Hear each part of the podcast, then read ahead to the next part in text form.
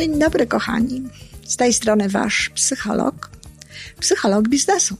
Dzisiaj e, mówimy o biznesie, o pracy zawodowej, czyli o wszystkim, co łączy się no, z zarabianiem pieniędzy. Bo tak to można byłoby sklasyfikować, e, prawdę powiedziawszy.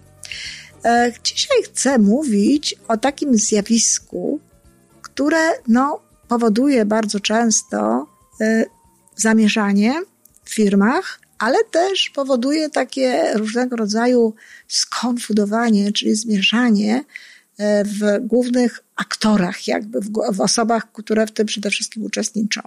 Chcę powiedzieć o czymś takim, jak zostałem szefem, albo w ogóle o tym, że ktoś jest szefem, albo o o tym, że ktoś tym szefem dopiero zostaje. To są dwie różne sytuacje i szczególnie to, że ktoś zostaje szefem, a nie był nim wcześniej, no, rodzi cały szereg różnego rodzaju no, wyzwań przed tą osobą, ale też wyzwań przed tymi osobami, które stoją wo wobec takiej sytuacji. E, najpierw chcę powiedzieć w tym odcinku e, parę słów na temat tego z punktu widzenia osób, które tymi szefami nie są, tylko osób, które szefa mają. A zatem tak, kochani, jak wiadomo, to olbrzymią rolę w naszym życiu pełni nasze nastawienie. Nasze nastawienie. E, jest nawet takie, trudno powiedzieć, żeby to było prawo, ale jest taka regułka, taka myśl psychologiczna, mówiąca o tym, że e, istnieje bardzo duży wpływ nastawienia na postrzeganie sytuacji. Wpływ nastawienia. No a co to jest nastawienie? No wiadomo, nastawienie to są pewnego rodzaju nasze przekonania, uświadamiane lub nie. E, to jest to, w co wierzymy, to jest to, w jaki sposób się wypowiadamy, co mówimy. E, to wszystko gdzieś wtórnie zostaje wzmocnione w naszej podświadomości, a czasami nawet w świadomości i oczywiście decyduje o tym, że widzimy pewne rzeczy, zauważamy pewne rzeczy, które są jakby potwierdzeniem tych naszych przekonań, potwierdzeniem tej naszej wiary, potwierdzeniem tego, e, o czym no gdzieś tam, tak jak mówiłam, świadomie lub nie, ale jesteśmy w jakimś sensie przekonani, jesteśmy tak zaprogramowani. No po tym dłuższym wstępie e, mogę teraz przejść do roli szefa. A zatem jest coś takiego w tradycji i to nie tylko naszej, nie tylko naszej polskiej tradycji, tylko myślę generalnie rzecz biorąc, w tradycji ludzi, że szef, osoba, która no, jest nad nami, która jest powołana do tego, żeby mm, nami kierować, żeby na, na różne rzeczy, to w zależności od tego, jak jest skonstruowana ta pozycja i w jakiej to jest firmie i w jakiej to jest sytuacji. Ale bardzo często rozdziela tę rolę, E, rozdziela role, które mamy wykonywać, e, rozlicza nas z tego, co zrobiliśmy. E, mówię tu o szefie, nie mówię tutaj o roli liderskiej szefa, bo to jest, szef oczywiście powinien mieć w sobie też pierwiastki liderskie, ale to już jest to sposób, w jaki on wykonuje pewne rzeczy. Ale mówię o tym, co taka osoba robi. Od niej zależy to, czy dostaniemy bardzo często premię, czy dostaniemy jakieś pieniądze, ile w ogóle dostaniemy. No, on decyduje o tym bardzo często, czy w ogóle zostaniemy w tej pracy, tak? ale też są to osoby, które pracują najczęściej inaczej niż osoby w tym zespole. E, czyli nie robią bezpośrednio tego, co robię ja, co robi moja koleżanka, mój kolega i tak dalej w zespole, tylko oni są gdzie indziej. Czasem mają nawet inny pokój, e, czasem mają jakieś przywileje związane z tym, których nie mają, no właśnie pracownicy. I to wszystko powoduje, że E, no nie można powiedzieć, że ma się do tej osoby zawsze i wszyscy i od razu pozytywny stosunek. Raczej utarło się tak, że szef to jest zło konieczne, że szef to jest ktoś, kto, kto no, Musi być. Oczywiście spotykam ludzi, którzy mówią, ja kocham swojego szefa, mam świetnego szefa, mam dobrego szefa. Takie rzeczy się zdarzają, ale my tutaj mówimy o, o takim ogólnym jakby nastawieniu do, do szefa. No jest to osoba, która częściej y, jawi nam się z, z takimi różnego rodzaju określeniami i, i oczekiwaniami nieprzyjemnymi niż z przyjemnymi.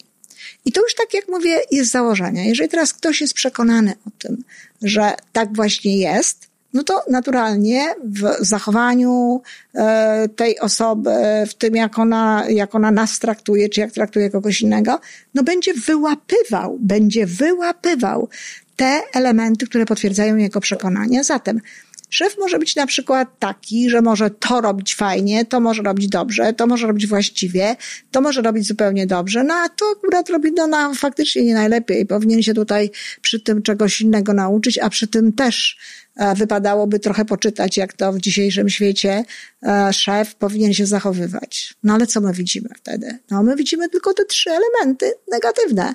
Te trzy elementy właśnie niedobre, natomiast na, zapominamy o tym, że oprócz tego było sześć, siedem czy osiem e, elementów dobrych, tak? Dobrych jego zachowań. No i w związku z tym te emocje, które w nas są, nie są specjalnie pozytywnymi emocjami, a też nasze przekonanie na temat tego szefa no, staje się jeszcze bardziej e, nie, niekorzystne. Mało tego, jeżeli my mamy niekorzystne i niesympatyczne no, emocje związane z naszym szefem, no to wtedy w ogóle y, funkcjonujemy y, w zakresie naszych wibracji, w zakresie częstotliwości fali, jakie wysyłają nasze emocje, no na takim poziomie, który przyciąga do nas kolejne jakieś niekorzystne zachowania czy szefa, czy jakieś sytuacje w firmie, które w konsekwencji no, obracają się przeciwko nam. Czyli to wtedy jakby taka samosprawdzająca się przepowiednia e, staje się faktycznie coraz gorsza. No i można się tak nakręcić do poziomu, e, że faktycznie relacje pomiędzy tym przełożonym, pomiędzy tym szefem, a nami e, robią się nie do zniesienia. Bardzo istotną rolę w tym, jak ludzie postrzegają swoich szefów, i to zwróćcie na to bardzo taką dobrą uwagę, no jest to, jak są jakim się go przedstawia. Przychodzą na przykład ludzie do firmy, i ja to znam ze swojego życia, ze swojego doświadczenia, przychodzą do firmy, zachwycają się szefem, y, spotykają się z kolegami, z koleżankami i mówią, ale wy macie tego fajnego szefa, jaki on jest tutaj świetny w tym w, czy w tamtym, jak on e, dobrze słucha i tak dalej. No i wtedy obserwuję, jak ludzie patrzą na siebie, ty, ty, halo, czy ty, aby na pewno ty mówisz o tym naszym szefie i tak dalej, popracuj tutaj, to zobaczysz, jak to naprawdę wygląda. No i oczywiście ta osoba zaczyna troszeczkę inaczej patrzeć. Nigdy już tego nie mówi swoim koleżankom i kolegom, jaki to szef jest dobry, a szkoda, bo może mogłaby wpłynąć trochę na zmianę tego wizerunku w oczach właśnie tych osób. Już tego nie mówi, jaki on jest fajny, no bo nie chce się narażać na to spojrzenie, nie chce się narażać na te, na te tłumaczenia i w związku z tym, no, traci, traci ten świetny, pozytywny stosunek, który mógłby znakomicie procentować, no, we współpracy z tym szefem. Bo naprawdę to tak jest. Jeśli my mamy pozytywny stosunek do szefa, jeżeli my dobrze o nim myślimy, jeżeli my idziemy do niego z jakąś propozycją, e, z taką nadzieją, że, że to zostanie przyjęte, że on nas wysłucha, że będzie dobrze, ale naprawdę, autentycznie, e, z takim silnym przekonaniem, to zazwyczaj dostajemy właśnie te rzeczy, po które przyszliśmy, te rzeczy, na które e, liczyliśmy. Jeśli natomiast no, przeważa w nas to zachowanie, tak, e, te emocje niekoniecznie pozytywne, to tak jak mówię, przyciągamy te rzeczy, które są niedobre. Niezależnie od wszystkiego, jakbyśmy nie myśleli jakby nas nie programowano z zewnątrz, pamiętajcie o tym, kochani, żeby nastawiać się, no właśnie, pozytywnie do swoich szefów, żeby wyszukiwać pozytywne elementy. Ja już nie mówię, żeby go bronić w sytuacjach takich, w których są koledzy i koleżanki, bo wiadomo, że na to nie każdy ma wystarczająco dużo wewnętrznej siły, ale przynajmniej sami przed sobą, sami ze sobą. Szukajcie tego, co jest dobre, szukajcie tych elementów, które są właściwe. Mówcie, lubię swojego szefa, mówcie, nasz szef to jest fajny człowiek, albo mówcie przynajmniej, on ma tyle obowiązków, on ma tyle różnych rzeczy, my wszystkiego nie wiemy, my wszystkiego nie rozumiemy. Albo mówcie, przecież on ma swoich szefów, on też się rozlicza z szefami nad sobą. I nie wszystko, nie wszystkie decyzje, nie wszystkie rzeczy, które on no, podejmuje, te, te, te decyzje i robi, to są tak tak naprawdę jego decyzje. On jest tylko zwykłym człowiekiem. Może żona go nie kocha tak, jak on by chciał, może ma kłopoty z dzieckiem. Chodzi po prostu o to, żeby starać się raczej wytłumaczyć tego szefa, a niż no, szukać łatek. Jeśli możemy mu pomóc, to mu pomagajmy. Pomagajmy mu niekoniecznie tak, żeby on to widział, ale idźmy zawsze dodatkowy krok, dodatkową milę razem z nim. To jest zresztą jedna z fantastycznych zasad no, y, dobrego funkcjonowania i, i, i bycia zauważonym i bycia nagradzanym w firmie. Jeśli szef czegoś chce, dawajmy mu to, co on chce, a nawet czasami dawajmy mu więcej. Bądźmy proaktywni. Nie mówmy o nim niedobrze, róbmy to, co możemy robić w kręgu naszego wpływu, a, i przekonacie się sami, że bardzo szybko będziecie mieli znakomite relacje z tym szefem i w momencie, kiedy będziecie słyszeli opowieści koleżanek i kolegów o tym, jaki to on nie jest y, fajny, to będziecie się dziwić, że to chyba nie o tym szefie mówimy. Piękną historię na ten temat, właśnie pokazującą, czym jest proaktywność y, w siedmiu nawykach skutecznego działania, y, opisuje Steven Covey. On mówi właśnie o tym, jak to szef był krytykowany właściwie przez ludzi dookoła, kiedy on o coś pytał, kiedy była narada, kiedy rozmawiali, kiedy pytał się o zdanie tych poszczególnych członków zespołu, nikt nic właściwie nie mówił, nikt się nie zgadzał, bo oczywiście ludzie uważali, że on tego nie przyjmie, że on tej sprawy e, nie zrozumie uważali, że nie ma powodu, nie ma po co się w ogóle wychylać, nie ma po co nic mówić, bo i tak nic z tego nie wyniknie. Natomiast jak się zamykały drzwi za szefem, czy jak oni wychodzili, to oczywiście mieli bardzo dużo rzeczy do powiedzenia, co oni by zrobili, jak oni by zrobili i tak dalej. Jedna z osób, no, postępowała zupełnie inaczej. Był proaktywnym człowiekiem, nie brał udziału w tych wszystkich e, historiach, nawet e, bronił e, tego dyrektora. Natomiast właśnie tak jak powiedziałam przed chwilą, wszystko, o co go prosił ten dyrektor, robił, robił z, nawiąz z nawiązką.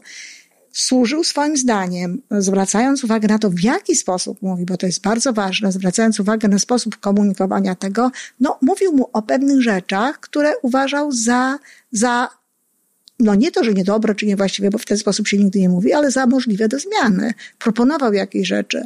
W końcu stało się tak, że był dla niego pierwszą ręką, że ten szef, no, bardzo często korzystał z jego pomocy. Oczywiście możecie zgadnąć, co teraz w tym momencie mówili ci ludzie. Aha, podnizuch i tak dalej, e, podnóżek pana e, dyrektora, czy tam pana prezesa. No ale ponieważ człowiek miał poczucie własnej wartości, co często razem chodzi w parze z proaktywnością, nie przejmował się tym bardzo. No i co? Zgadnijcie, kto został dyrektorem w momencie, kiedy e, ten człowiek, który był tutaj głównym bohaterem, został awansowany. Oczywiście on.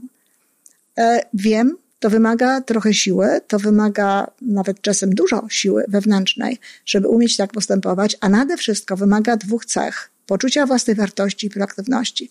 Dlaczego? Dlatego warto pracować nad tymi cechami, bo wtedy życie w ogóle jest piękniejsze, życie jest lepsze, kiedy lubimy swojego szefa, kiedy współpracujemy ze swoim szefem, kiedy z przyjemnością chodzimy do pracy. I to życie jest nie tylko lepsze, to życie jest prawdziwsze, dlatego że tak naprawdę to, tak jak mówię, ludzie częściej są dobrzy, częściej są w porządku, niż nam się to wydaje. Tylko po prostu wydaje nam się, bo kładziemy nacisk, no niekoniecznie zawsze na te rzeczy, które kłaść ten nacisk warto.